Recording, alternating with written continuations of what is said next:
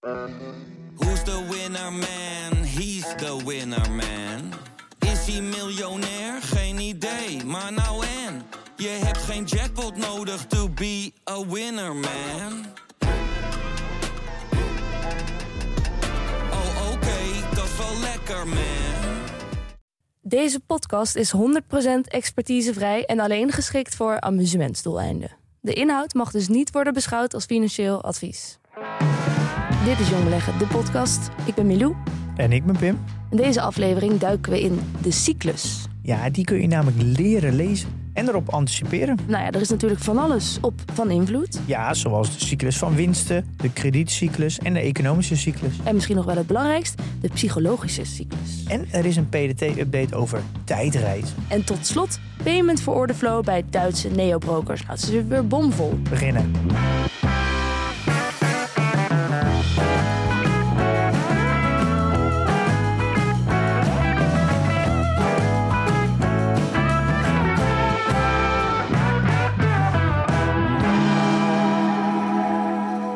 Ja, het is de laatste maand van het jaar.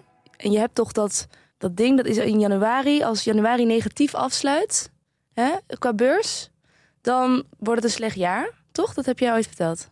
Ja, dat zou goed kunnen. Ik heb zoveel verteld. Dat, dat is ook weer zo. Is er ook zo'n wijsheid over de laatste maand van het jaar, hoe dat wordt afgesloten? Oh, zo. ehm, ja, nou, de- over het algemeen gezien is december een goede maand. Eh, maar ja, weet je het altijd met zulke soort statistiek is dat je hebt er eigenlijk niet zoveel aan. Want het, ja, er moet uiteindelijk altijd een maand beter zijn, gemiddeld gezien. En er moet altijd een maand slechter zijn, want het is natuurlijk nooit hetzelfde. Ehm, maar de, Over het algemeen is die oh, maand... oh, wel- december is over het algemeen gezien een goede maand. Oh. Ehm, Dat is wel toch wel bijzonder. Oh, er zijn volgens mij ook best nog wel, wel momenten te herinnering van 2018. Dat december echt een hele slechte maand was. Volgens mij daarom was volgens mij 2019 juist een goed jaar. Dat is überhaupt, kijk, überhaupt wel een gek dingetje. Dat wij heel veel kijken naar year-to-date rendement. Net als de, de aandelenbeurs en die koers een soort van geheugen hebben. Oh, nu is het 1 januari, nu is het 31 december. ja. Maar dat is eigenlijk natuurlijk een hele rare, ja, rare manier van Het meten. is een hele menselijke maat. Het is uiteindelijk het verhaal wat wij ermee... Ja. Wat we erin willen zien. Maar als je dus december heel slecht was, ja, dan is de kans aanzienlijk groot dat het jaar daarna een heel, een heel goed jaar wordt. Eh, En andersom natuurlijk ook. Als december een hele goede maand is, dan is de kans dat het jaar daarna een slechter jaar wordt aanzienlijk. Omdat gewoon losstaande feiten van elkaar... dat heeft niks met elkaar te maken. Het een veroorzaakt het ander niet. Maar Het ligt net waar je het meetmoment zet. Ja. Natuurlijk. Ja, dat heeft natuurlijk, eh, dat is het. eh, ja, dat, dat, dat is het meten van, van rendementen eigenlijk best raar. ja, ja. Eh, maar overal kan je naar year-to-date rendementen kijken. En nu is een year-to-date rendement iets relevanter, omdat het bijna 12 maanden is. Ja. Maar een year-to-date rendement in, in april slaat natuurlijk eigenlijk helemaal nergens op.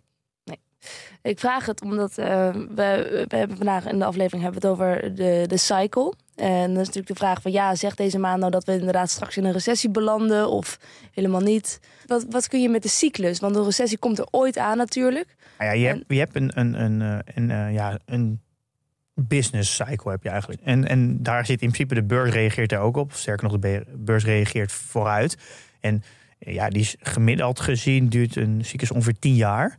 Dus zeg ook al, je moet minimaal 10 jaar beleggen, want dan heb je alle heb je zo'n volledige cyclus meegemaakt. En heb je Ja. dus alle omstandigheden, beursomstandigheden en economische omstandigheden een keer meegemaakt. Nou, dat is gemiddeld gezien. Dus eh, volgens mij is er nu ook een periode geweest van, denk ik, 12, 13 jaar dat het zo was. Dus het kan 15 jaar duren, het kan 8 jaar duren, maar gemiddeld gezien ongeveer 10 jaar.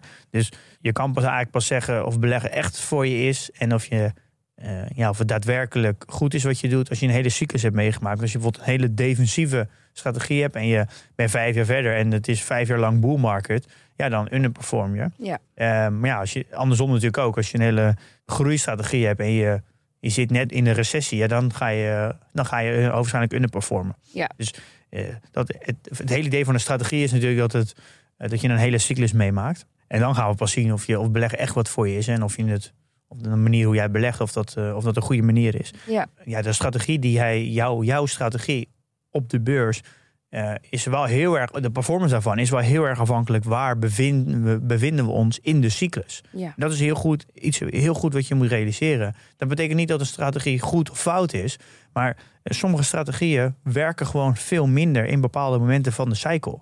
Daarom zeggen ze ook, je moet een hele cyclus eigenlijk beleggen om conclusies te kunnen trekken. Nou, laten we dan eens in die Het gevaar cyclus is natuurlijk duiken. heel erg dat je de constant van strategie wisselt en eigenlijk net achter de cyclus aanloopt natuurlijk.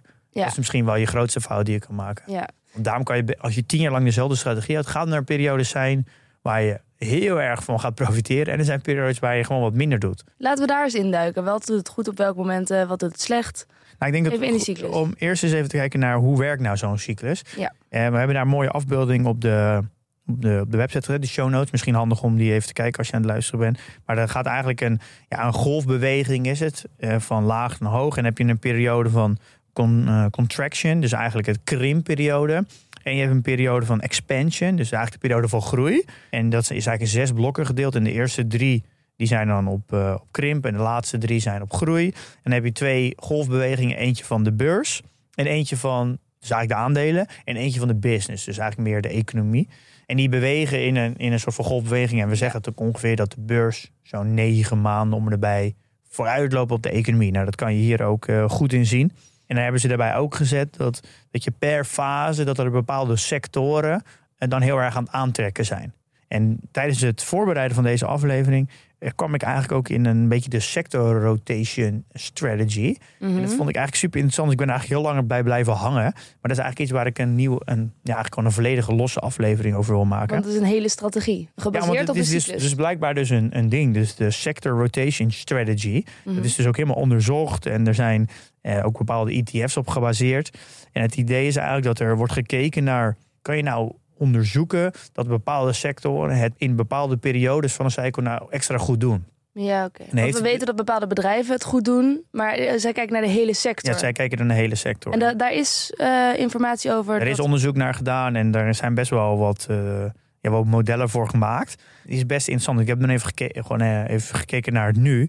Waar, dan, even kijken, waar zitten we ongeveer nu in de cycle?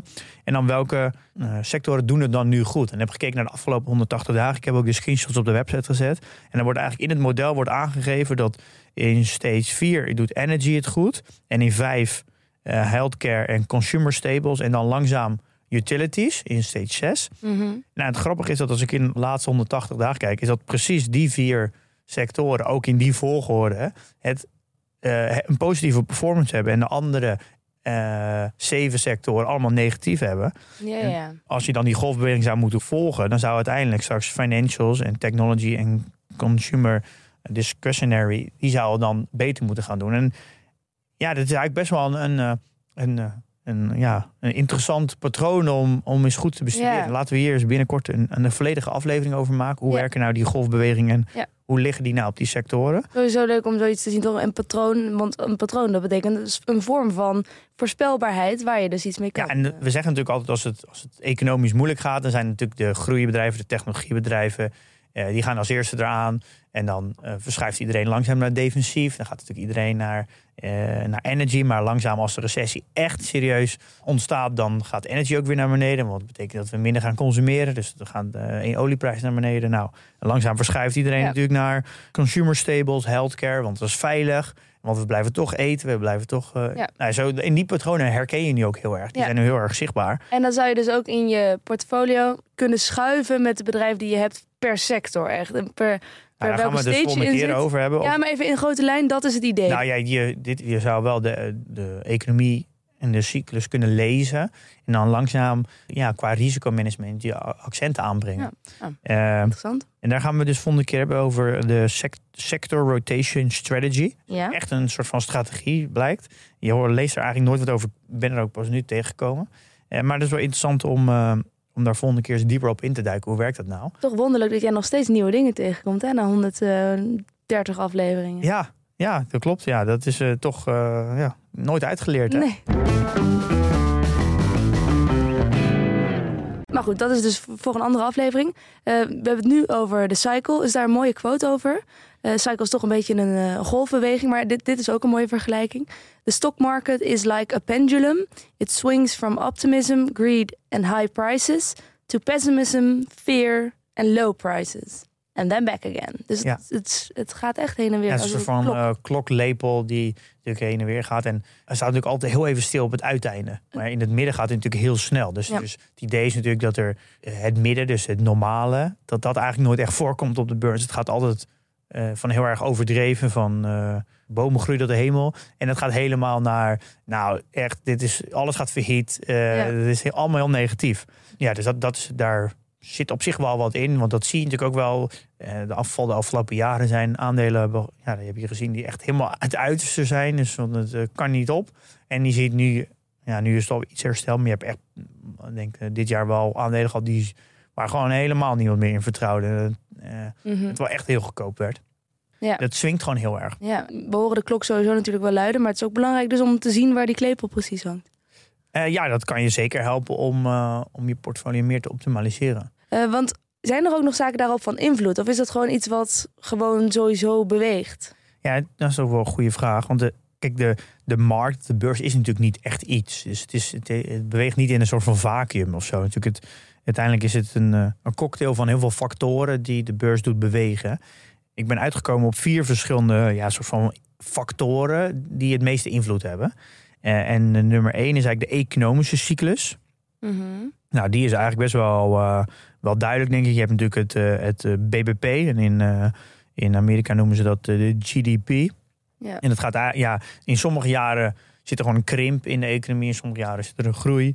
Ja, dus het, het, het binnenlands product, hè, wat we met z'n allen... Ja, gewoon, en, daar, en daar zijn eigenlijk ja, er zijn natuurlijk heel veel factoren zijn daarvan afhankelijk natuurlijk. Maar als je dan de meest beetje de, de bekende pakt, dan gaat het natuurlijk over het aantal werkende mensen, Ja. eh, de productiviteit van de mensen en natuurlijk hoeveel uren er gewerkt wordt. ja, Dat het zijn- aantal deeltijdwerkende Ja, dat zijn eigenlijk de drie factoren die, die het meest hoort. En die hebben natuurlijk heel veel invloed op je. Ja, Eh, Hoe minder zij werken, hoe minder je product is. ja, dus nou ja, gewoon hoe minder je produceert. Ja. Dus dan heb je natuurlijk de, de vergrijzing is daardoor natuurlijk een heel belangrijk thema in, eh, in Den Haag. Bij alle overheden natuurlijk. Om, ja, dat zorgt ervoor dat je gewoon minder mensen hebt die werken. En dat gaat uiteindelijk ten koste van je BBP. Ja. En, Maar de deeltijdwerkers nou ja, en, en natuurlijk de, wat nu heel actueel is, is natuurlijk de deeltijdwerken. Maar dat heeft te maken natuurlijk omdat de werkloosheid zo laag is. Dat daar eigenlijk niet meer in te optimaliseren valt. Eh, nou, de productiviteit, dat is vrij hoog in Nederland. En daar zie je ook dat de overheid daar constant mee bezig is door opleidingen eh, te subsidiëren, door innovatie te subsidiëren, innovatiebox en WBSO. Nou, ze zullen er alles aan doen om, om te zorgen dat we blijven innoveren, want dat zorgt dat je productiviteit omhoog gaat. Maar ja, als die twee dingen al aardig geoptimaliseerd zijn, dan blijft er natuurlijk nog één ding over. En dat is natuurlijk mensen, dezelfde mensen meer laten werken. En dan kom je natuurlijk bij eh, het deeltijdwerken. En dat is natuurlijk nu een heel actueel thema. Eh, er wordt natuurlijk heel veel over geschreven. En daardoor heb je natuurlijk ook de, de, de kinderdagverblijfvergoeding, die ze willen, voor mij tot 90% willen vergoeden. Mm. Met het idee, dan gaan misschien meer mensen werken. Ja. En eh er wordt ook heel gekeken naar de employment to population rate. Dus eigenlijk de, ja, hoeveel mensen zijn er nu werkloos versus werken. Eh, nou, in Amerika is dat een heel belangrijk ding, wat je heel vaak hoort. Omdat daar Ja. de arbeidsmarkt flexibeler is. Maar het, het, komt er een beetje op neer dat de economische cyclus, daar wordt ook heel erg naar gekeken. Dat heeft heel veel invloed op de cyclus op de beurs, eigenlijk de algehele cyclus. Maar, maar de economische cyclus, dat is best wel een nou ja, vaststaand feit, is overdreven. Maar het is wel las- lastig te voorspellen welke kant dat precies Ja, heel lastig. En deze is misschien wel het lastigst, omdat deze namelijk het meest achterloopt ook. Eer dat je dit ook helemaal ziet. Ik zeg dat het er is, dan heb je vaak ook nog eens... dan moet je nog maanden wachten voordat het ook te zien is in de cijfers. En de beurs loopt ook vaak eens negen maanden vooruit. Dus je kan bijna wel zeggen dat de beurs misschien wel twaalf maanden vooruit loopt op, op, deze, ja, op deze cyclus. Alleen daar kan je het wel aan herkennen. Ik vind het toch altijd moeilijk voor te stellen gegeven dat, dat, dat de beurs, wat wij daar doen, vooruit loopt op wat we in de werkelijkheid zien gebeuren. Nou ja, bijvoorbeeld een heel mooi voorbeeld is nu, dat is nu, nu heel actueel. Eh, de inflatie ging alleen maar omhoog. En nu zitten we net de laatste zeg, afgelopen maanden is dat een kantelpunt van. Het blijft een beetje gelijk en nu gaan we net het kantelpunt over. Dus de inflatie zakt weer wat. En het gaat echt nog maar over een paar basispunten. Dus het is nog steeds heel hoog. Alleen er zit een extreem groot verschil tussen. Dus we hebben die trend is veranderd. ja. Dus dan, al kan je er eigenlijk nu in de, in, gewoon in de, in de praktijk nog niks van merken. Want ja, inflatie met eh 0,1% minder, daar merk je natuurlijk helemaal niks van. Nee. Alleen dat, dat is een, een trendwijziging. En daar reageert de beurs dan heel heftig op. Maar eer dat je dat ook daadwerkelijk voelt in de economie, ben je misschien wel negen maanden verder. Ja, ja, ja. Eh, net als dat je ook heel lang duurt voordat die inflatie Ja. echt ook voelbaar is in de economie. En dat de beurs eigenlijk al vorig jaar al, een beetje begin van het jaar, eind vorig jaar al reageerde dat de inflatie hard omhoog ging. Dus Dat is het vertragende effect. Ja. En dat komt omdat de beurs natuurlijk heel liquide is. Dus het reageert gewoon instant. Dus dat is ook wel een goed punt. Eh, over iets anders. Nu zie je dat de vastgoedmarkt, dat bijvoorbeeld Blackstone heel veel aan het verkopen is. Dat is een, eh, volgens mij een uh, Amerikaans vastgoed, voornamelijk vastgoedbedrijf. Waar dat een heel illiquide markt is. Dus mensen zitten in dat fonds en die willen dat geld uit dat fonds halen. Maar dat betekent dus dat Blackstone dan die aandelen zelf moet terugkopen van die mensen. Mhm. Want die kan natuurlijk niet zomaar zeggen, ja, ik, ik verkoop dat vastgoed. Nee. Ja, dus als mensen hun aandelen terug willen, ja, ja, hoe gaan ze dat financieren dan? Dus op een gegeven moment hebben ze gewoon gezegd, ja, nu, je kan gewoon geen aandelen meer verkopen in dit fonds. Want wij moeten eerst vastgoed verkopen Ja. voordat we jullie kunnen uitkopen. Ja. En dan wat er dan gaat, dan krijg je dus zo'n domino steentje natuurlijk. Want die, als je vastgoed moet verkopen, ja, dan word je, krijg je natuurlijk veel minder voor dan dat het daadwerkelijk waard is. Want je Mhm. wilt kwijt. Nou, dat weten, weten de kopers natuurlijk ook. En dat nu merk je heel erg de pijn dat iets illiquide is. En dat hoor je dus wel vaak bij, eh, bij grote portfolio managers die, die zeggen, ja, we moeten altijd een groot gedeelte eh illiquide houden. En daar leveren we misschien wat rendement op in. Maar eh, iets illiquide is, kan op bepaalde momenten echt een heel groot voordeel hebben. Ja. Omdat je dan niet iets moet verkopen uit nood, waardoor je er veel meer, minder voor krijgt. Waardoor Ja. eigenlijk al je rendementen die je de afgelopen jaren hebt opgebouwd weg zijn, omdat, het in, omdat je het nu kwijt moet. Ja, zo werkt natuurlijk ook met je eigen portefeuille. En, Ja, dus eh, het- je wil niet het- veel hoeven, hoeven verkopen. Ja, dus ik vind dit wel een. eh, ja, nu kom je er heel mooi achter wat de kracht is van, eh, van de beurs, omdat het heel erg liquide is. Je kan ten alle tijden kan je je aandelen kwijt. Er is altijd een prijs. Dus dat is eh, even een zijstapje. Ehm, Dat is de economische cyclus. Die is van invloed op de beurs. ja, dus het, de, daarom wordt er zo heel erg gekeken naar de, naar de, eh, vooral naar de, eh, de werkloosheidscijfers. Omdat dat gewoon heel, ja, dat gaat gewoon een, heel veel effect hebben op je BBP. Mhm. misschien wel goed om te zeggen dat uiteindelijk willen alle landen dat de BBP eigenlijk een beetje groeit. En het liefst een beetje 2%. Want in een groeiend land is het natuurlijk veel makkelijker om pijntjes op te vangen. Het is makkelijk om iedereen tevreden te houden. Want als je constant groeit, ook is het maar 2%, heb je altijd wat extra's te verdelen. Dus je kan altijd wat extra's weggeven. En het, het grootste voorbeeld is dat je schulden natuurlijk relatief afnemen. Is een, de schulden van een land worden altijd afgezet tegen het BBP. Ja. Eh, dus hoe veilig je bent qua schulden, dus welke rating je hebt over zo hoe, wat je kredietwaardigheid eigenlijk is, is afhankelijk van wat je afzet tegen het volledige BBP. Dus als je elk jaar met 2% groeit, dan neem je je schulden natuurlijk relatief af. Ja.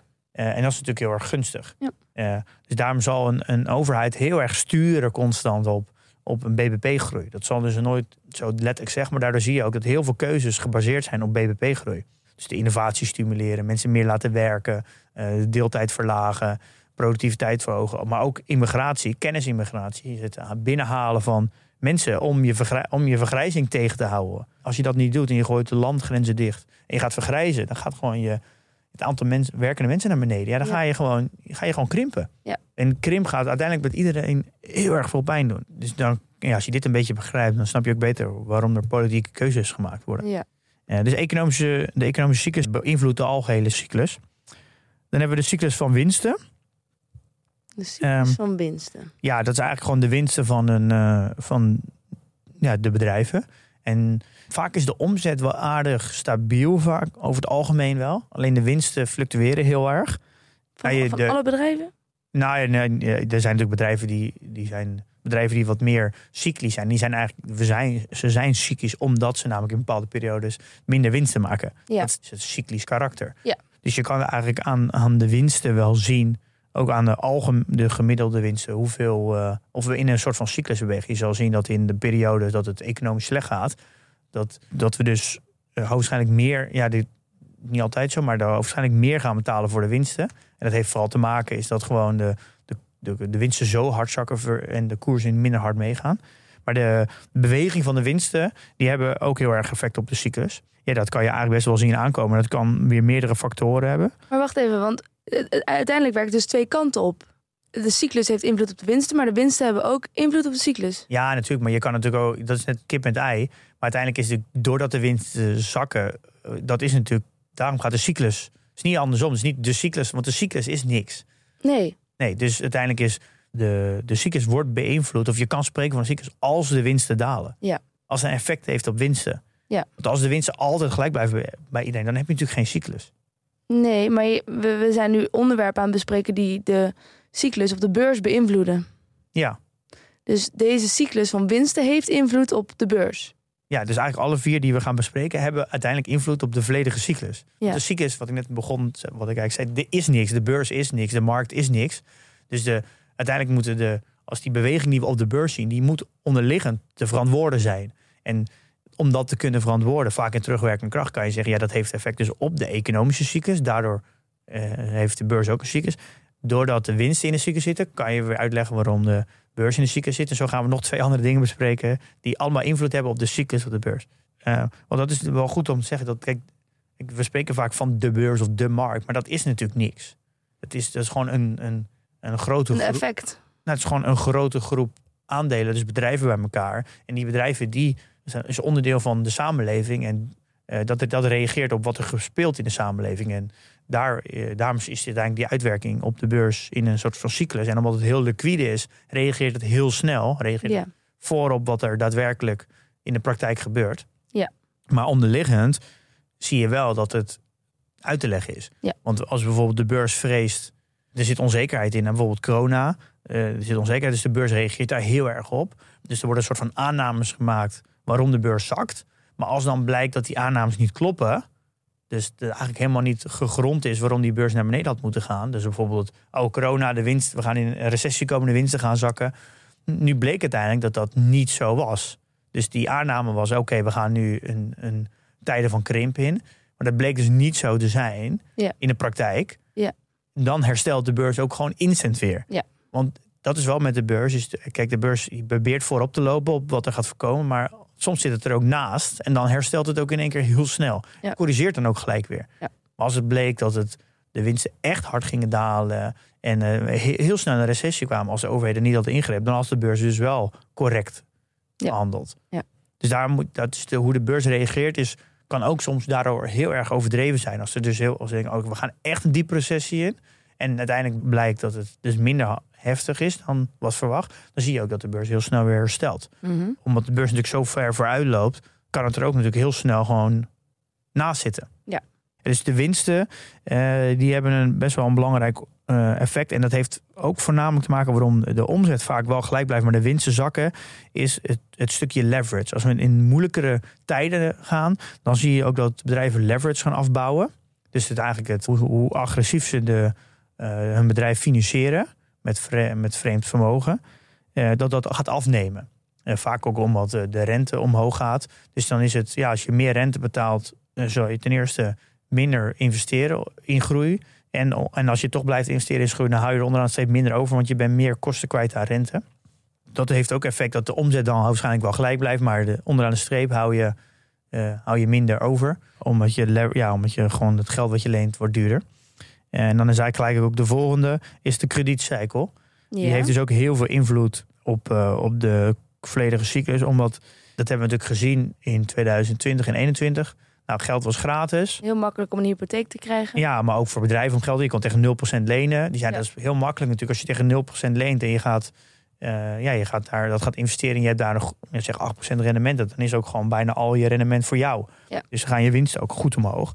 En, maar je ziet nu, als onzekerheid toeslaat... eh, of bedrijven wel hun leningen terugbetalen... gaan de leeneisen omhoog... Eh, de, nou, de, de rente gaat nu omhoog via de centrale banken, omdat ze namelijk de economie willen afremmen. Ja. Eh, omdat ze natuurlijk inflatie hebben. Dus je, dan ga je de boel afremmen. Dus aan de andere keer is het natuurlijk ook waar. Als je natuurlijk de boel wil aanjagen, ga je rente verlagen. Gaan bedrijven meer investeren. En eh, ja, die hele cyclus die betekent dat meer, meer partijen kapitaalbuffers moeten gaan houden. De leenvoorwaarden worden strenger. En dus het is minder interessant te lenen. gaat minder leverage in bedrijven zitten, waardoor de, dus de winsten afnemen. En is die, die hele cycle van krediet, die heeft dus ook heel veel effect op, eh, op de volledige cyclus. En het is, het, is heel lastig. Het is natuurlijk allemaal niet in een vacuüm. Zo'n kredietcyclus, die kan dus niet in een vacuüm reageren. Dat reageert natuurlijk uiteindelijk in samenwerking met al die Al die andere golven. ja, en dan komen we dus eigenlijk bij de, bij de vierde uit. En dat is de psychologische cyclus. En dat is misschien wel de, degene die de boel het meest aanwakkert. Is dat ons sentiment? Ja, dat is eigenlijk eh, het, het menselijk gedrag. Ja. Ehm, en er wordt er wel gezegd dat dit eigenlijk de eerste, misschien wel de beste indicator is om, om die cyclus in de gaten te houden. Omdat namelijk, dit, is wat je heel snel ziet. En de rest reageert er eigenlijk iets in vertraagt erop. Omdat, ehm, Omdat die markt heel liquide is, ja, kunnen mensen ook gewoon instant hun emotie dat erin kwijt. Ja, Ja, dus je kan gewoon instant op die verkoopknop rammen als, je, als die angst in, in je Ja. lichaam komt. Ja. Dus dat, is, dat effect is heel snel. Dat volgt Ja. eigenlijk nog preciezer inderdaad de, Ja. de beurscyclus. Dus. Ja. ja. Eh, dus het is eigenlijk een, je kan een beetje deze vier invloeden heel erg op een, op een beetje, op zich wel op volgorde zetten. Van, beetje. welke als eerste gaat en welke daarna. En in principe werkt het een beetje zo. is dat eerst natuurlijk Eerst de de, beurs. Ja, en dan zie je dat de mensen daarop reageren. En dan kan je misschien kijken dat het, of het effect heeft op de winsten. Nou, dan eh, denk ik dat de. Of misschien ligt het een beetje aan de situatie, maar krediet zal ook snel meegaan. Die zullen dan. Daar gaat het effect op winsten weer, eh, weer mee te maken hebben. En dan merk je als laatste economische cyclus. Dat is een soort van constant een check. Van oké, we denken dat dit gebeurt. En dan gaan we langzaam naar beneden om te kijken of het daadwerkelijk gebeurt. Ja. Dus je ziet nu ook heel erg dat. Nu is heel erg de vraag: gaan die winsten volgend jaar echt zakken? De analisten gaan nu wat winsten naar elkaar bijstellen. En dan wordt de constante vraag: gaan ze dat ook echt bijstellen? Gaan we Ja. dat echt merken? Nou, die kredietcyclus die hebben, we- Ja, ja. die hebben we wel gemerkt nu dat we erin zitten. Want geld lenen wordt in één keer duur. Eh, er wordt veel minder geld geleend. Nou, we merken in de huizenmarkt ook veel minder hypotheken. Nu is de vraag: gaan die winsten ook daadwerkelijk effect hebben volgend jaar? En dan is Ja. natuurlijk de volgende vraag: gaat de economische cyclus daar ook? Is het daar ook in merkbaar? Ja, dat is wel slim om voortdurend gewoon dat hele plaatje in je hoofd te houden. Met al die golven en alles. Ja, en dat, daarom gaan eigenlijk al die, al die alle, alle kranten, alle podcasts, eigenlijk alles over beleggen. Gaat eigenlijk alleen maar over deze cyclus. Alle content die je consumeert gaat alleen maar over deze cyclus. Gaat bijna nooit over fundamentele analyse. Hoe vaak consumeer je nu iets? Of het nou een podcast is, of het nou een nieuwsartikel is, een krant of een YouTube of wat dan ook. Dat echt gaat over fundamentele analyse van bedrijven. Het gaat allemaal over het nu. Alles is actueel. Het gaat allemaal over die econo economische cyclus. Veroordeel je dat? Of wat hoor ik in je Nou, eh, ik denk dat dat echt een. eh, eh, ik denk dat dat heel gevaarlijk is voor beleggers. Want dat je loopt. volgen. Ja, want als je namelijk al- alleen maar dat consumeert dan en je gaat daarop handelen, loop je namelijk altijd achter de feiten aan.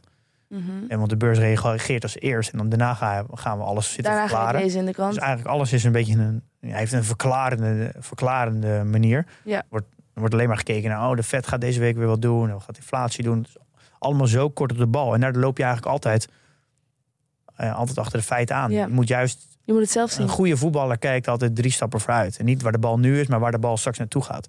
Want het is dus inderdaad, dat is wel een goeie. Het is niet genoeg om op die cyclus te reageren. Je moet eigenlijk met die cyclus werken. Ja, je moet, je moet net voor die cyclus eigenlijk zijn. En dan kun je wat- positionering moet voor die cyclus zijn. Ja, Maar al het, alles wat je consumeert is soort na de cyclus. ja, of Ja. op de cyclus. Ja. Maar dan, omdat de beurs voorop loopt, heb je er eigenlijk al niks meer aan. Ja. Het Dat is net als met surfen. Je moet de golf zien aankomen Ja, je moet, je je anticiperen. erop kan Je komen. moet anticiperen, ja, dat Ja. klopt. Ja. En dat is, ik denk dat dat wel echt een, eh, ja, voor mij een hele les is. Dat eigenlijk alles wat je kan consumeren als ja, retailbelegger, is eigenlijk gewoon niet goed voor je.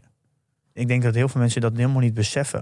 Het is eigenlijk best wel, vind ik best schrijnend hoe, hoe slecht eigenlijk de, de particuliere belegger eh, ja, bediend wordt eigenlijk van alle bedrijven. Als je al ziet, al die magazines en al die podcasts. Het is eigenlijk, je hebt er eigenlijk allemaal heel weinig aan. Ja, Als, als je echt goed wil leren beleggen. niet in onze best interest. Dat hun functie is om, om nieuws. Ja, ik weet niet of het echt onwil is. Soms denk ik, ja, van die mensen die het maken hebben zelf ook niet echt een idee. Je kan het wel gebruiken als soort van ja, contra-indicator. ja, dat is serieus. Omdat er heel veel namelijk zo vaak over gesproken wordt, denk je, oké, dan is dat, dan moet je dat juist niet doen. Ja. Eh, want dat, dat is, ze zijn veel te veel bezig met het nu. En dat is het, het moeilijke namelijk, dat je na de afgelopen jaar is onwijs veel gesproken over in defensieve aandelen gaan en zo. Ja, maar dan ben je allemaal veel te laat. Is dat als, als iemand zegt, je moet nu in defensief aan, dan, en pas als je daar raar van opkijkt, dat je denkt, hè, waarom zeg je dat? Dan is het in één keer interessant, want dan betekent dat je voor die cyclus zit.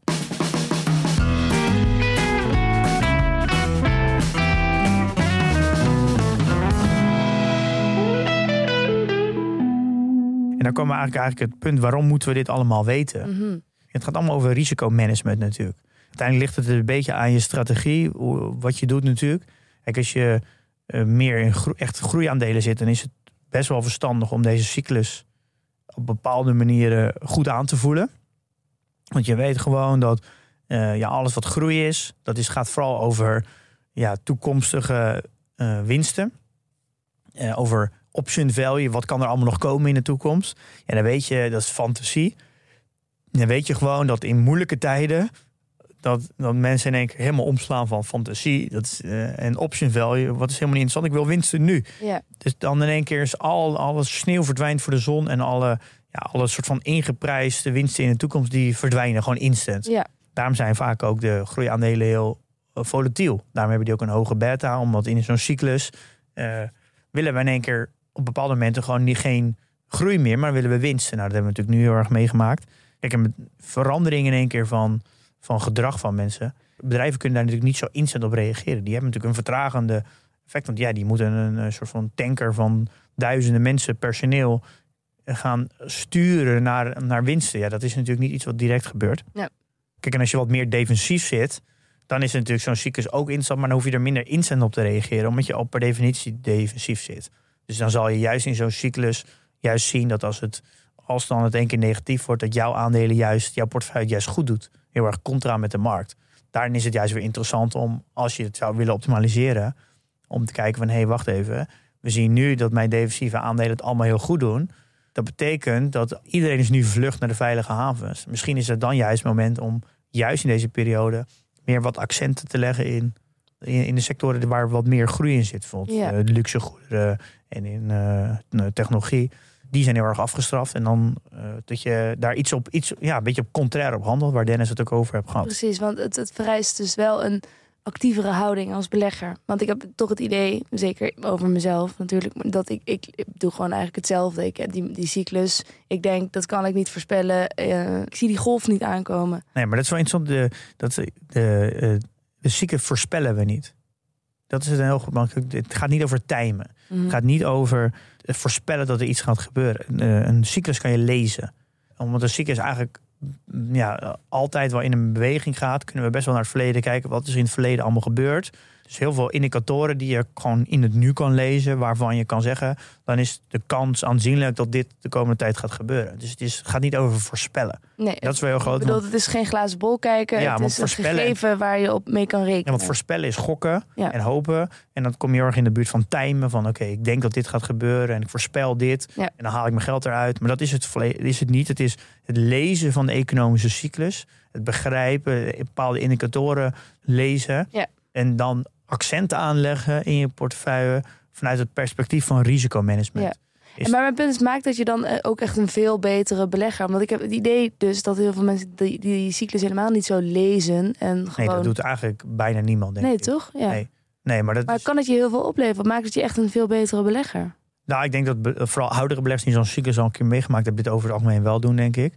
Ik denk wel dat je dat. Dus voor jonge beleggers is het extra moeilijk om dit eh ja, ik denk waarde dat, hiervan in te Howard Marks ook zegt, ja, je moet ook niet verwachten dat je, een, dat je dit gaat leren binnen tien jaar, want dan heb je nog niet alles meegemaakt. Is, is Howard Marks een beetje de beschermheer van de. ik vind als het gaat over de cyclus en over risicomanagement, dan moet je echt bij Howard Marks zijn. Ik, vind, eh, ik ben heel veel over hem aan het lezen nu. Echt super interessant hoe hij ernaar kijkt. Zijn, zijn beeld is ook van een, een professionele belegger, die maakt zowel in goede jaren goede rendementen, maar die maakt ook positieve rendementen in slechte jaren. En hij zegt dat, dat in ieder geval dat is zijn mening dan. Hij zegt ja, er zijn ook, ik ken, hij zegt ik ken ook beleggers die gewoon ja, acht jaar lang boelmarkt extreem goede rendementen maken, een beetje de markt outperformen en dan voor lief nemen dat ze twee slechte jaren ertussen hebben zitten. Maar hij zegt ik vind dat een goede belegger ook in een, ja, in een boelmarkt ook goede rendement maakt. Geen, niet echt een extreme outperformance, maar vooral in slechte jaren ook een goed rendement maakt. Ja, En dan krijg je natuurlijk het, het ver- ja, verlies goed maken. Kost natuurlijk, is heel moeilijk. mhm. Eh, daar komt dat natuurlijk een beetje vandaan. Als je dat maar lang genoeg volhoudt, heb je uiteindelijk een, een goede eh, ja, een compounding annual growth rate, omdat je namelijk verliezen beperkt. Howard Marks zegt: Don't confuse brains with a bull market. Wat Ja, bedoelt dat- hij daarmee? Nou, dat is eigenlijk wat in, in een, hij zegt een op, gemiddeld gezien gaat, of een groot gedeelte van de tijd gaat de markt omhoog. Dus dan lijkt het alsof je goed kan beleggen. Maar het verschil maakt eigenlijk tussen een gewone belegger en een goede belegger is dat je ook in slechte periodes een goed rendement maakt. Dat is wel dat zijn mening. Ja. En je zal denk ik nu ook zien dat we hebben de laatste echte recessie hebben we natuurlijk eigenlijk gehad 2008, 9. Dus je ziet natuurlijk heel veel mensen die zijn eh, ja, die laten hun performance zien vanaf 2010, 2011. Oh, net na die, fantastisch. Ja. dus ja, la- als je dat nu de afgelopen 12 jaar, 11 jaar, dan vind je het gek dat jij, als jij vooral eh, een beetje offensief zit, dat jij de afgelopen tijd een goed rendement hebt gemaakt. Ja. Nu is het natuurlijk, Spreek je over tien jaar wel weer, zeg nu is het natuurlijk heel erg de vraag. Nu is het interessant om de performance te kijken van, van die mensen dit jaar. Ja, gaan ze natuurlijk binnenkort publiceren, want dan is het jaar afgelopen. Ja. En dan zullen ze waarschijnlijk dan, als ze dezelfde strategie hebben aangehouden, een hele erge underperformance hebben. Als je dus de afgelopen 10 jaar, 20, 12 jaar een goed rendement hebt gemaakt en je hebt dit jaar ook een outperformance, dan kan je spreken dat je een goede belegger ja en dit Dat, is jaar, even, dat vindt Howard Marks. En eh, even dan Captain Hindsight, als je dus dit jaar een goede performance had willen hebben, dan had je twee jaar geleden al wat meer defensief moeten gaan zitten. Dus wanneer iedereen denkt van oh, het gaat supergoed op de beurs. Ja, dat, en Klopt dat dan wat ik dan eh, even. Ja, nou dat klopt wel. Want als je gaat kijken naar vorig jaar, waren natuurlijk de, wat je betaalde voor winsten, was natuurlijk echt extreem. Echt, echt veel hoger dan gemiddeld. Ja, geld was gratis. Ja. Je zat eigenlijk op al die indicatoren die ik net noemde, eh, eh, die vier, van nou, eh, winsten waren heel duur. Betalers waren bereid om heel veel voor de winst te betalen. Ja. Ruim boven de gemiddelde. Of je nou het gemiddelde pak van de afgelopen vijf jaar of over tien jaar, twintig. Het was gewoon, Ja. we betaalden nu veel meer voor de winsten dan, dan eerder. Ja. De rente was nul, dus de kredietcycle was op zijn top. Geld was gratis. Iedereen was euforisch. Het kon niet stuk. Iedereen ging beleggen. Dus ook de psychologische markt. Ja. ja. Eh, en economisch was het goed. We hadden geen werkloosheid. Eh eh, overheid bleef met geld smijten. Dus eigenlijk kon je eigenlijk aan die vier indicatoren al zien dat we eigenlijk in de, ja, toch op de piek van de cycle zaten. Ja. dus ja, je, in terugwerkende kracht kan je het altijd heel makkelijk uitleggen. Maar het is goed dus om had- dan even te checken of ik het dus inderdaad wel begrijp. Ja, het had Ik natuurlijk, het je had natuurlijk eigenlijk vorig jaar al wat, wat voorzichtiger moeten zijn. Ja. Dus wat, wat defensiever moeten gaan. Eh, nou, dat had je dit jaar echt een heel je goed. wat verliezen kunnen beperken. Ja, en ik denk wel dat dat op zich wat te doen is. Je moet daar wel. Het kan zijn natuurlijk dat, je, dat, je, dat het een jaar langer duurt. Of misschien dat je het al in 2000, begin 2021 had gedaan. Dan heb je dus een jaar lang eh, wat defensief gezeten. Dat het eigenlijk pas in november had moeten. En ja, Maar ik, ja, dat, ik denk dat je ligt een beetje aan wat je, wat je voorkeur geeft voor beleggen. Het ene instantie wel een, een, denk ik, kan het wel goed gevoel geven. Want als je defensief gaat en de markt gaat toch omhoog, dat zelfs defensieve aandelen omhoog gaat. Je blijft dan wel achter. Maar het is misschien makkelijker om een, een, een soort van underperformance te accepteren als je toch nog steeds ren- een positief rendement hebt. Mhm. In de wetenschap dat als het een keer fout gaat, dat je dan je verliezen heel erg beperkt. Ja. Ja. ja, ja. En, en als je dan nu ehm, kijkt hè, en jij leest even de cyclus.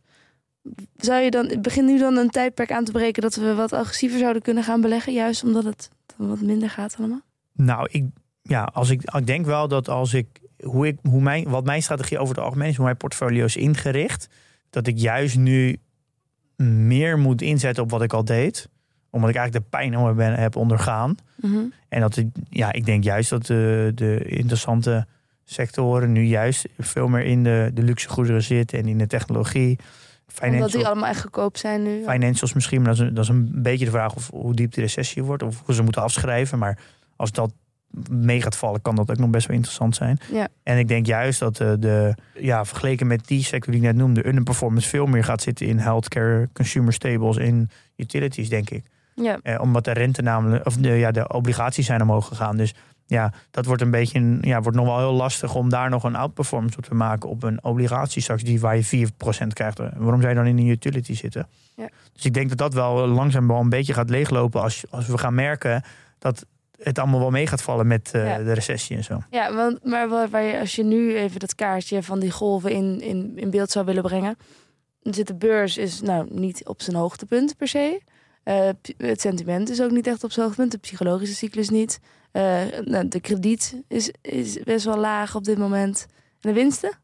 Nou, dat is dus nu erg nog de vraag. Is de, Ja. het, eh, nu beginnen langzaam de taxaties voor 2023 naar beneden bijgesteld te worden. Ja. Eh, maar dat weet je natuurlijk nog niet echt. Dat ga je denk ik pas merken als, als bedrijven straks hun jaarcijfers gaan presenteren. Sowieso een Q4-cijfers. Dan wordt het natuurlijk sowieso gevraagd naar de outlook voor 2023. Ja. Wordt misschien nog niet gegeven, durven ze nog niet aan. En dan zullen ze zeggen, we gaan bij de jaarcijfers of bij de, de Q1-cijfers. Dus dat zal dan in eh, april zijn, dus maand 4, waar de Q1-cijfers worden gepresenteerd. Dus dan langzaam een outlook aandurven. Maar er zal van tevoren natuurlijk al, al wat naar buiten komen. En analisten zullen daar al taxaties op aanpassen. En daar, dat zal denk ik nog wel invloed hebben. En de economische cyclus? Ja, dat is natuurlijk een hele, een hele rare eh, soort van mixed bag nu. Omdat Ja. namelijk de werkloosheid extreem laag is. Dus Ja. normaal zie je constant met, de, met een recessie dat, de werk, dat het, wat we net noemden, is dat de productiviteit en het aantal werkende mensen heel veel invloed heeft op de economische cyclus. Ja. Maar die, die gaan nu niet hand in hand.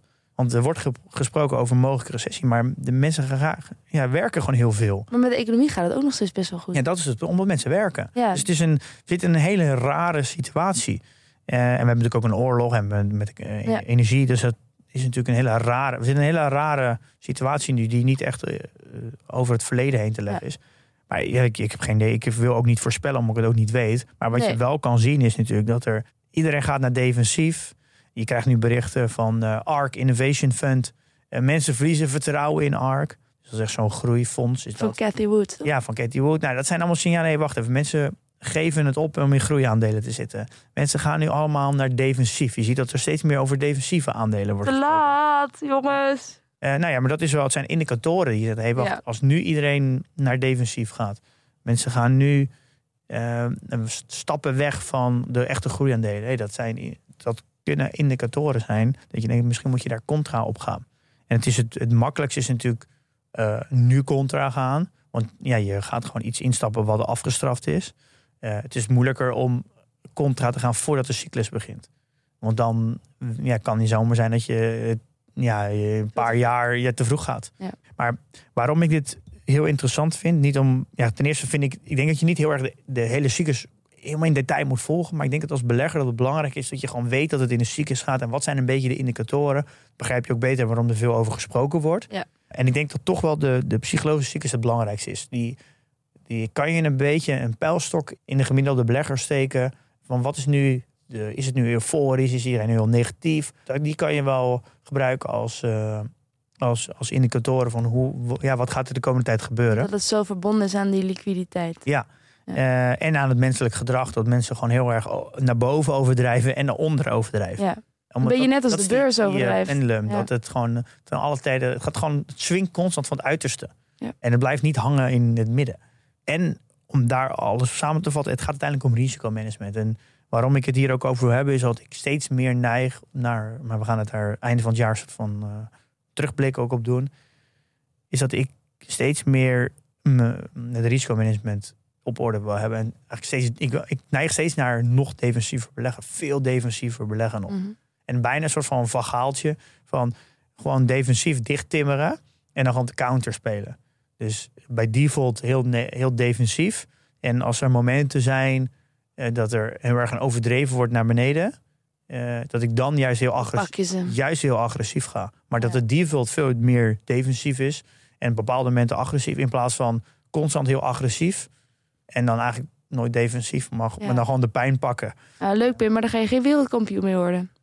Eh, Op zijn verhaal. nou, nee, dat klopt.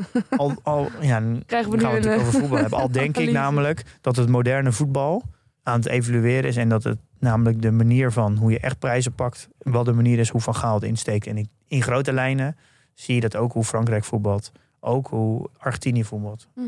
Tegen Kroatië. Kroatië had alleen maar de bal. En eh, counter en van Argentinië. Ik denk dat het steeds meer richting countervoetbal gaat. Ik denk dat het hele idee van, eh, nou ja, zoals hoe Spanje altijd speelde. voetbal zich ook wel in een cyclus. En dat totaalvoetbal en dat van dat hoge druk zetten. Ik denk dat dat langzaam een beetje het einde is. Dat we het voetbal aan het evalueren is. Leuk. Ja, dus, eh, maar hier gaan we, ik ga hier nog, ik ben er veel aan het lezen over Howard Marks en over eh, risicomanagement. En ik, ik blijf dat idee interessant vinden dat hij zegt, eh, ja, als ik vijf jaar terugkijk op dit moment, had ik dan agressief of defensief moeten gaan? Of maak daar drie jaar van? En dat vind ik wel constant een interessante vraag, omdat het zorgt ervoor dat je niet echt in de waan van de dag blijft. Ja. Dat, het is best moeilijk als je, ik zou in mijn, in, vooral mijn groeiaandelen, al die aandelen worden echt afgeslacht dit jaar. Mm, Ja, dan is het best wel moeilijk om daar flink op, op bij te kopen, omdat je namelijk, dus omdat je zo een soort van murm geslagen Ja. bent dat het naar beneden gaat. Je moet uitzoomen op jezelf. Dus dan, dan kan het wel zijn, ja, als ik dan nu alles zou, die strategie zou doen, zou dat dan over drie jaar, ja, zou ik daar dan terugkijken als een goeie, goed moment. En dat zorgt ervoor dat je veel meer uit het nu gaat. Ja. Dus, eh, ik vind dat al, dat blijft een hele interessante gedachtegang die je constant kan stellen. PDT-update. Kom maar door. Dokter Verlaan. Ja, we kunnen nu tijdreizen. Tijdreizen, dat is handig. Daar hadden we het net al even over. Ja. Het wel handig is om even te kunnen uitzoomen af en toe. Het is toch wel fijn om even terug in de tijd te gaan om dingen even in de, te kijken hoe het toen ook weer ging. Ja, maar hoe, bedoel je dat dat met de PDT kan? Nou, kijk, we, ik probeer met PDT eh, software te maken waar retailbeleggers beter van worden. Eh, dat, is de, de dat is de hele insteek. Dus er moet ook een soort van lerend vermogen in zitten. Mhm. En het, het gaat natuurlijk nu erg over de portefeuille nu inzicht krijgen in wat je, hoe je portefeuille nu in elkaar zit, over de performance. Maar om er ook van te leren, is het natuurlijk heel interessant om ook terug in de tijd te kunnen gaan. Ja, wat heb jij drie jaar geleden gedaan op een, op een hoog punt of zo? Ja, dus dat is wat we nu hebben. We hebben time travel geïntroduceerd. Dus je kan, je pak, kijk je naar bijvoorbeeld je performance grafiek over je volledige beleggingsperiode. En dan kijk je gewoon, hé, welke periode had ik een outperformance, welke periode had ik een underperformance. Dan kan je dus heel specifiek terug naar dat moment. Echt naar de dag zelf. Ja, dus je kan dan eh, zeggen van nou, eh, ik had bijvoorbeeld een outperformance in, in november 2021. Dat is het de piek geweest voor mijn portefeuille. Dan kan ik terug naar dat moment en dan kan ik kijken wat voor portefeuille had ik toen. Wat was mijn allocatie? Wat, welke type bedrijven had ik? Ja. Dus je kan heel erg leren van hé, hey, wacht even, hoe was ik toen? Eh, ja, hoe, hoe zat mijn portefeuille toen in elkaar? En wat dan, ja, dat heeft dan gezorgd voor de underperformance, of juist andersom. eh, Ja. Daarna. Dus je kan, eh, je, ja, je kan ja, je lerend vermogen vergroten door terug in de tijd te gaan en te analyseren over hoe je portefeuille er toen in elkaar zat. Dat is natuurlijk super interessant. Ja, heb jij eh, nog interessante dingen ontdekt in- tijdens jouw tijdreizen? Je Nou, wat ik vond- uitgeprobeerd. Wat ik dus heel leuk vond om te zien, is dat ik kon natuurlijk terug in de tijd toen ik nog dividendbelegger was. Oh ja. Dat was heel leuk om te zien. En dat Mooie ik super veel bedrijven had. Eh, en wat, eh, dat is, hebben we nog niet gemaakt, maar wat dus ook interessant zou kunnen zijn, is dat je zo'n die portefeuille vanaf dat moment gaat simuleren. Dus je zegt, oké, ga me breng me terug in de tijd. Ik een dividendportefeuille. Als ik niks had gedaan van toen tot nu, wat voor performance had ik dan? Dat is ook natuurlijk interessant. Hebben we nog niet gebouwd hoor, maar dat zou natuurlijk er makkelijk eh, aangekoppeld kunnen worden in de Ja. toekomst. En ik vind het ook een, een nog meer bijdrage aan transparantie. Is dat als je je portefeuille deelt, wat ik doe, is dat je ook kan terugkijken welke dingen heb ik, welke keuze heb ik in het verleden gemaakt. Ja. Dus eh, bij, ja, als je vaak portefeuilles van mensen ziet, dan zie je alleen maar wat ze nu hebben. Mhm. Dan zie je dus wel, je ziet wel, ze laten wel hun performance zien van de afgelopen jaren, maar ze laten niet zien wat ze toen hadden. Kun je ook de andermans portfolio tijdreizen? Iedereen die zijn portfolio open, openbaar, de- of in ieder geval deelt via een link, die, ja, dan kunnen andere mensen ook zien wat jij in het verleden hebt gedaan. Hmm. Eh, Dat is dus ook heel interessant. Dus als je van andere mensen wil leren en die ziet, hé, hey, die hebben dit jaar een goede performance. eh, Wat hebben heeft ze, hij gedaan? Hebben ze op een bepaalde manier gekanteld, hebben ze accenten aangelegd. Ja. Het is eigenlijk allemaal bedoeld om het nog transparanter te maken en nog meer, ja, zorg dat je lerend vermogen omhoog gaat. Dat we nog betere beleggers worden. En het werkt eigenlijk op twee manieren. Je kan gewoon op de, op de portfoliopagina kan je gewoon een datum selecteren waar je het terug gaat reizen. Of je kan via de prestatiepagina eh, met je muis over die grafiek ingaan. En dan krijg je een icoontje, dan zie je een, eh, op een dag. En dan kan je eh, nou, daarop klikken en dan, ga je, dan gaat je portfolio naar die dag terug. Dus, ja, je hele beleggersreis in kaart brengen. Ja, je portfolio dus, in, eh, het, in het verleden beleven. Ja. Mooi. Dit zijn echt van die updates die mensen nooit vragen. Omdat het namelijk iets compleet iets nieuws is. Ja. Maar het, jij me als maker heel trots maken. Omdat dit zijn juist de functionaliteiten die, die het product bijzonder maken. Ja, heel creatief. Dat moedig ik aan. Ja, ik denk ook niet dat er een andere portfolio tracker bestaat die, dit, die zulke soort functionaliteiten aanbieden. Er is ook nog nieuws hè, van eh, de Vereniging van Effectenbezitters, de VEB. Ja, en hebben iets onderzocht. dus ze hebben een onderzoek gedaan. Dus volgens eh, het onderzoek, ik heb ook een linkje in de, op de website. Dus lees ook, ga naar hun website toe als je het volledig zelf wil lezen. Kan wel even kort een samenvatting geven. Is dat ze hebben onderzoek gedaan naar de Duitse neo-brokers. En ik wilde toch even zeggen, dat zijn van die execution-only brokers. En je ziet ze laatst steeds meer langskomen. Vooral, Hebben we het eh, over gehad, bijvoorbeeld. Ja, je ziet ze vooral veel op, de, op Instagram en op YouTube heel veel. En het gaat over Trade Republic en Scalable Capital. En dat zijn twee Duitse brokers, neobrokers, execution only. Mhm. Die dus niet onder AFM-toezicht vallen. En dat is belangrijk om te melden, want ze vallen onder de Duitse beurs. Waar komt de BaFin? Ja. En die knijpen dus een oogje toe, of nou, of accepteren payment for the flow. En dat is wel, daar wil ik het even over hebben Ja. is die, ehm, waarom dit interessant is. Omdat namelijk Trade Republic die handelt op de LNS Exchange en Scalable op de eh, GetTex. En dat zijn eigenlijk handelshuizen waar data naartoe wordt gestuurd. En daar is maar één market maker actief en die kopen de orders in.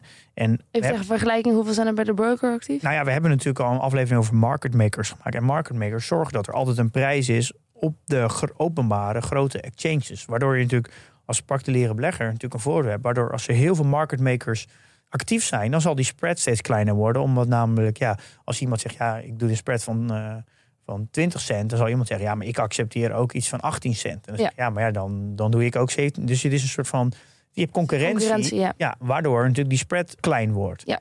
Eh, Als je maar één hebt, dan zegt hij gewoon... ja, betaal maar gewoon, want ik ben ja, de enige nou, dat is het punt. Nu snap je ook gelijk waarom market makers orderflows willen inkopen. Want dan hebben ze geen concurrentie. Dan hebben ze alleen recht op die orders.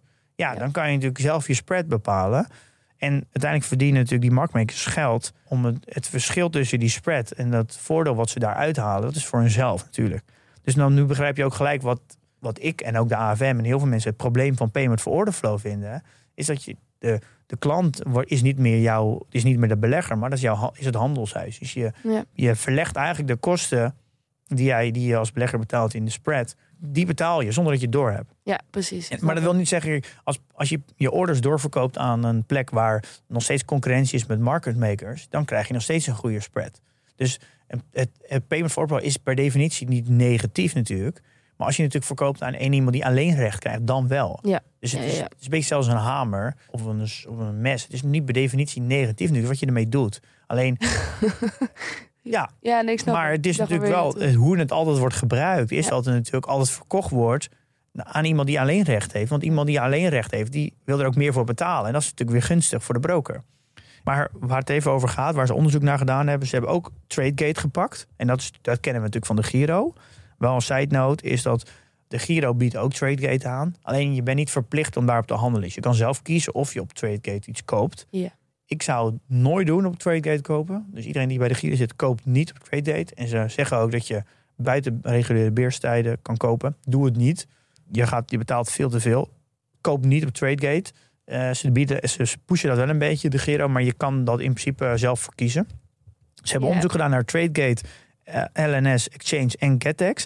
En nou, ik heb ook een, eh, een plaatje op de show notes. Je ziet bijna alleen maar rood in zijn tabel. En er zijn eh, tien aandelen, waarvan een paar Amerikaans zijn.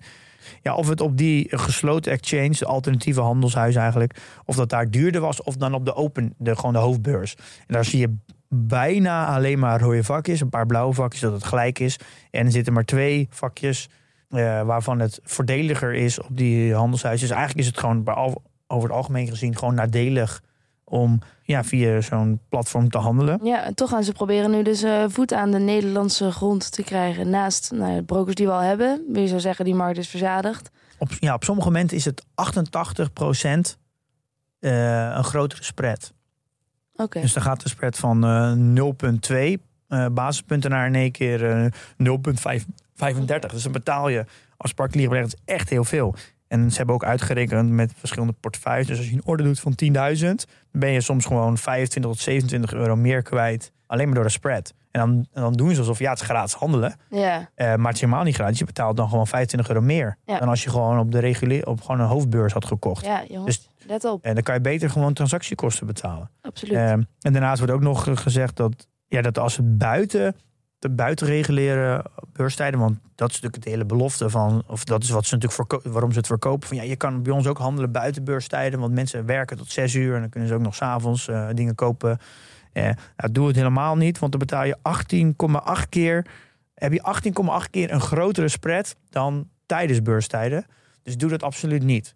Ja. Ehm, dus het is ja, voor mij een, eh, ja, het is een heel mooi onderzoek om te laten zien dat iets wat gratis is, is niet, gratis. Nee. En dit is, de, dit is de reden waarom de AFM tegen payment for order en waarom beide iedereen tegen is. Ja. En waarom eh, er zoveel druk eigenlijk is op de Duitse BaFin om hier nou eens een keer werk van te maken. Ja. Maar als dit wat verboden wordt, ook in Duitsland, dan ga je natuurlijk zien dat zulke soort appjes gewoon, Ja, verdwijnen. nou ja, die moeten dan ook gewoon transactiekosten gaan rekenen. Of dat inderdaad. Een Net als wat- overgooien. Net, net als wat, wat eh, de Giro en Bink en eh, of eh, Saxo en ING ook doet.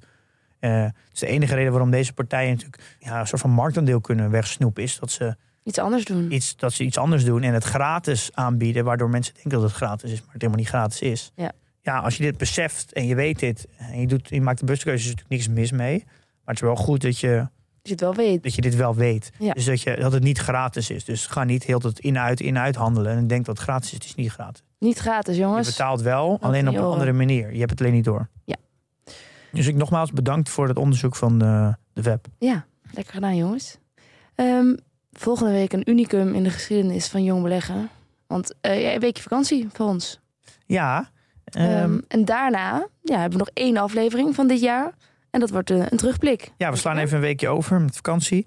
En dan gaan we even terugblikken. 2022, wat was dat voor jaar? Wat hebben we geleerd? En wat nemen we mee naar Ja. 2023? En even verder, uit, verder kijken. Gaat het nog effect hebben op eh, wat ik geleerd heb dit jaar? Op mijn eigen strategie? Ga ik dingen anders doen? Ja. Ik eh, merk al trouwens dat ik eh, echt aan het veranderen ben. Ik heb in het eerste half jaar heel veel gehandeld. En in het laatste half jaar bijna niet. Dus ik Hmm. merk al dat ik mijn gedrag aan het aanpassen ben. Daar duiken we in. ja, we gaan even, even twee goed, eh, weken. de diepte in. Even gereflecteren. Inderdaad. Ehm, en in de tussentijd, jongens, investeer in je kennis en beleg met beleid.